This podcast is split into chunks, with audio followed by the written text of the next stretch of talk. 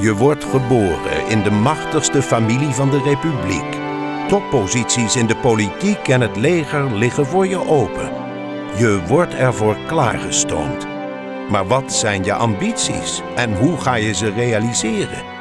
Het is de tijd van de oorlogen tegen Spanje, tegen Engeland, tegen Frankrijk. En dit is het verhaal van Willem van Oranje, Maurits, Frederik Hendrik, Willem II, Willem III en Johan Willem Frieso. En de keuzes die zij maakten tussen hun dynastie en het landsbelang.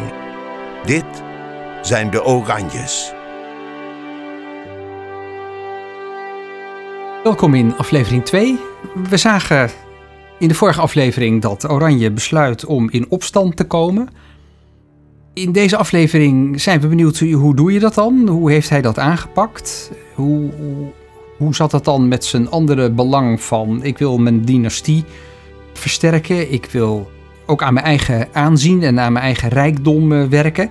Gaan die twee wel samen, opstandeling en toch ook trouwe dienaar van de Spaanse overheid?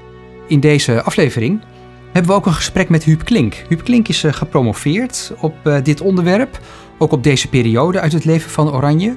Zijn boek heet Opstand, Politiek en Religie bij Willem van Oranje. Klink heeft honderden brieven van en aan Willem gelezen over dit onderwerp.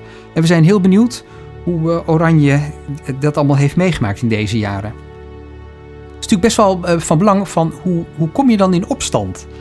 als je zo'n belangrijke edelman bent en als je lid bent van de Raad van State, samen met Egmond en Horne en nog meer mensen, wel, het is ook daar in die Raad van State dat hun opstandigheid begint. Ze besluiten weg te blijven en als de landvoogdes, die de vergaderingen voorzit van de Raad van State, dan vraagt van wat is er aan de hand, hè? waarom komen jullie niet gewoon? Nou ja, dan, dan, zeggen ze ook van ja, wij, wij hebben moeite met de inquisitie, met het vervolgen van ketters, we hebben moeite met de plakaten, al die strenge wetten. En we hebben vooral moeite met de persoon van Granvelle. De aartsbisschop is, is een doorn in het oog, want hij is tenslotte de meest fanatieke figuur die eh, de nieuwe religie dwarsboomt en ook een hoop onrust veroorzaakt. Na verloop van tijd geeft de landvoogdes toe. En koning Philips natuurlijk ook. En dan in het voorjaar van 1564, vijf jaar na het gesprek bij het Bois de Vincennes, dan krijgt Granvelle, zoals het zo mooi heet, de opdracht van koning Philips om eens een keer zijn moeder in Besançon in Frankrijk op te gaan zoeken. En dan vertrekt Granvelle. Nu is het punt dat de vervolgingen van ketters die blijven, de inquisitie blijft. Het is een vreselijke tijd. Aan het einde van 1564 dan houdt Willem van Oranje een hele beroemde rede in de Raad van State. Dat werd later de Oudejaarsrede genoemd. En dan neemt hij geen blad voor de mond. Ik kan de gewoonte van koningen niet goedkeuren om het geloof en de godsdienst van mensen binnen willekeurige grenzen te beperken. Oranje voegde eraan toe: Romeinse Inquisitie, pauselijke of beter, de Spaanse Inquisitie, het is Inquisitie, hoe men het ook noemt.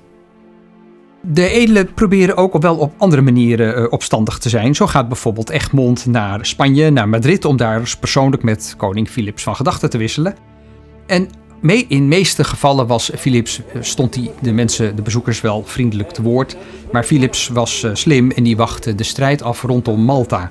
Het Spaanse leger en de Spaanse vloot die vochten een verbeterde strijd uit tegen de Turken om het bezit van dat belangrijke eiland. En op het moment dat die, die Spanjaarden daar winnen, ja, dan kiest Philips toch weer voor de harde lijn. En dan geeft hij Margaretha de opdracht om er maar eens een schepje erbovenop te doen. Eh, in strengheid en in vervolgingen. En ja, dat valt natuurlijk helemaal verkeerd in de lage landen.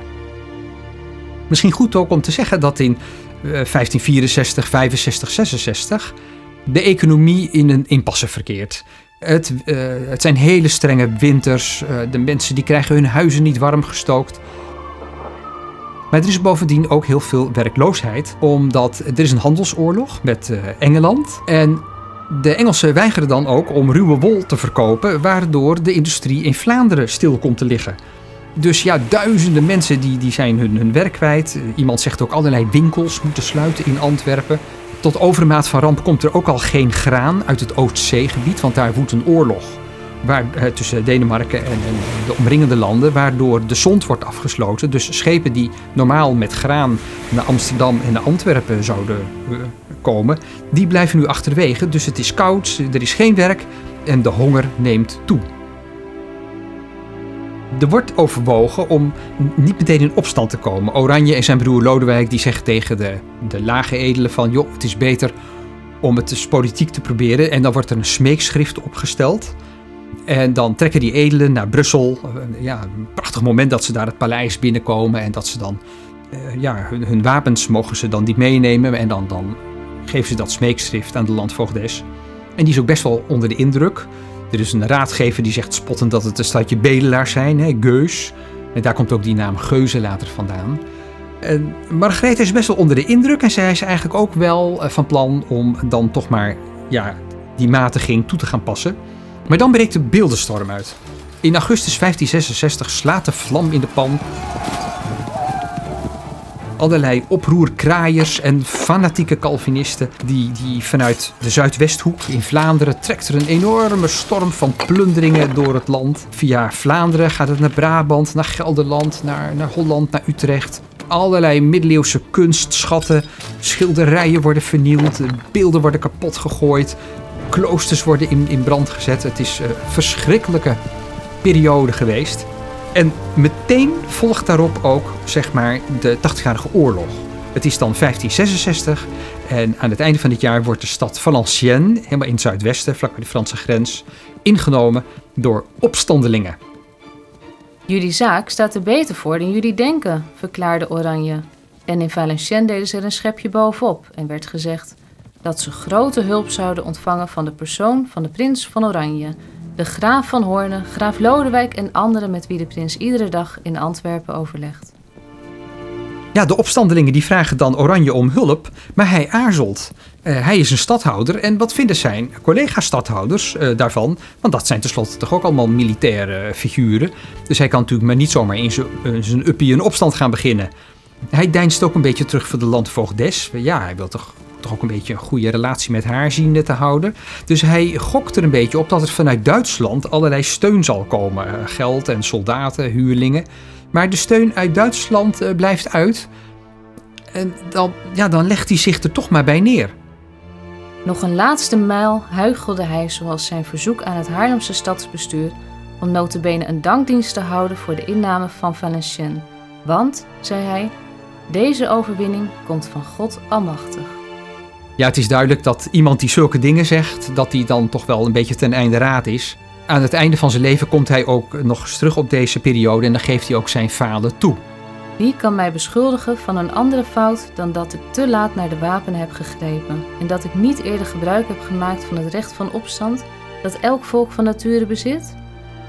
Maar toen koning Philips vernam dat Oranje troepen in Duitsland liet werven, spotte hij dat graafje van Nassau verbeeldt zich zeker dat hij oorlog tegen mij kan voeren?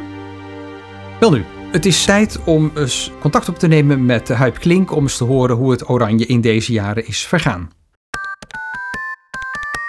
Goedenavond Huub, met Ronald de Graaf. Goedenavond, Ronald. Ja, hey, mag ik jou een paar vragen stellen uh, over je proefschrift? Zeker. Dat, dat onderzoek van jou, ik heb dat wel dat, dat gezien, dat was toch wel tamelijk specialistisch, of niet? Ja, dat was het. Uh, zeker. Ik, ik heb een onderzoek geschreven onder meer over Willem van Oranje, ook over Luther en Calvijn, maar Willem van Oranje was het meest specialistische, omdat ik daar gelukkig gebruik kon maken van een, uh, van, eigenlijk van een, van een collectiebrief van alle brieven die op microfilm gezet werden. In die tijd dat ik begon, was men daarmee bezig. Dat alle brieven op microfilm gezet werden en ik kreeg toestemming om die te benutten. Nou, heel veel brieven van Oranje zijn gepubliceerd, waren al gepubliceerd, maar een groot aantal ook niet. Dus het was eerst uitzoeken welke zijn niet gepubliceerd, welke wel, om vervolgens de niet gepubliceerde in het oude handschrift te lezen. Nou, dat geef ik je te doen. Dat is niet eenvoudig, vooral niet het oude Duitse handschrift. En de meeste brieven die ik moest lezen waren in het oude Duits geschreven, oude Duits handschrift geschreven. Ik heb er dat wel aangeleerd, dus uh, dat was wel leuk om te doen, mooi ook om te doen.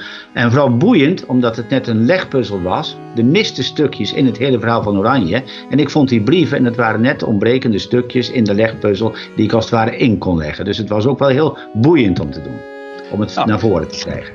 Jongen, Nou, dat kun je wel geloven dat dat een, een hele specialistische klus is. Uh, knap werk. Hey, maar dat betekent dat jij dus ook als een van de weinige mensen uh, uh, een beetje inzicht hebt in, laten we zeggen, in de psyche, in de state of mind van Willem van Oranje. Ja. En we, we, zien hem nogal erg aarzelen. Hij besluit dan om in opstand te komen, maar hij doet het niet meteen. snap je dat, waarom hij zo aarzelde? Ja, dat snap ik heel goed. Ik zal een aardige anekdote vertellen. Ik was bij iemand die in de tijd, burgemeester Schakel, in die tijd of daarvoor aan het Hof kwam hier in Nederland, Paleis Soesdijk. En die zei me, je moet je eens voorstellen, je bent als elfjarige jongen uit Duitsland in Brussel gekomen en daar kom je aan het Hof van, van uh, Karel V. Met Maria van Hongarije en al die grote mensen. Daar raak je van onder de indruk. Kom daar nu eens tien jaar later tegen een opstand. Tegen de machtigste man van de wereld van toen. Dat doe je zomaar niet. Daar uh, is er, heerst een grote mate van loyaliteit bij zo'n jonge man ten opzichte van het huis dat zijn huis, het huis van Oranje, het huis van Nassau moet ik zeggen, altijd gediend heeft, al eeuwenlang. Dus voordat je die drempel overgaat, dat is een enorme drempel geweest voor hem. En dat kun je ook merken in de eerste jaren. Daar komt zijn aarzeling voor een deel vandaan, niet alleen, maar voor een deel, want er speelt ook andere dingen. Um, was het zo dat hij, uh, uh, ik zei het altijd, Huis van Nassau was altijd loyaal geweest. Behalve dat, mocht hij zomaar de vrede van de Nederlanden op het spel zetten, dat is een derde factor. En dan ook nog, had hij medestanders genoeg? Dat was ook de vraag. En die speelde, al die kwesties speelden. Nou, bij medestanders denk ik bijvoorbeeld aan Horne en Egmond. Waren die bijvoorbeeld belangrijk voor hem? Heel belangrijk. Dat zie je gelijk al in 1559. Als voor de eerste keer echt een punt komt waar hij op afknapt, wat de koning zijn beleid betreft. Hij merkt namelijk dat er zijn indicaties dat de koning echt de inquisitie in wil voeren. En gelijk betrekt hij Egmond en Horne erbij. Dat heeft hij al die jaren geprobeerd. En uiteindelijk is dat niet gelukt. Ze zijn niet met hem meegegaan tot op het punt waar hij echt in opstand wilde komen, dan wel niet akkoord kon gaan met wat de koning wilde ik snap het. Nou, maar hoe, hij is toch uiteindelijk wel zo ver gegaan dat hij in opstand kwam. Maar hij had natuurlijk zijn oude ideaal. Zeg maar de eerste 26 jaar van zijn leven. Uh, ja, was het toch een man die vooral ja, toch ook een beetje aan zijn eigen dynastie uh, dacht. Aan zijn eigen rijkdommen. Hoe, hoe, hoe, heeft hij dat dan ervaren? Ja, ik heb daar goed over nagedacht. Je hebt die vraag toegestuurd. En ik heb er eh, een poosje over na zitten denken. En dat is voor mij in de tijd ook wel wat opvallend geweest. Voor ik na kon gaan, maar misschien weet jij beter, dat kan goed zijn, heb ik daar niet eens zoveel gegevens over gevonden. Dat hij daar nou mee zat over zijn huismacht. Dus het feit dat hij een heel aanzienlijk man was, heel gefortuneerd, heel rijk en dergelijke. En dat dat nu allemaal op spel stond. Dat was wel zo ondertussen. Dus natuurlijk heeft dat een rol gespeeld. Dat kan niet anders. Je doet het niet zomaar. Maar dat dat prominente rol speelde. Ik denk dat het andere wat ik net naar voren bracht nog veel sterker speelde. Van mag ik deloyaal zijn en als ik het ben, hoe krijg ik het allemaal zover dat dat dan, als ik er aan begin. En toen ik ging merken dat het niet zou lukken, toen kwam die kwestie naar voren. Ja, wat nu? Uh, wat doe ik? En toen zijn Egmond en Hoorn afgehaakt. En Willem van Oranje brengt dat op een prachtige manier onder woorden. En dat vind ik een saillante zin die mij trof toen ik het las in 1567, vlak voordat hij weggaat, dan zegt hij, en dan moet hij Egmond en Hoorne op het oog gehad hebben, die Leute nemen zich die dingen vast kaltzinnig aan.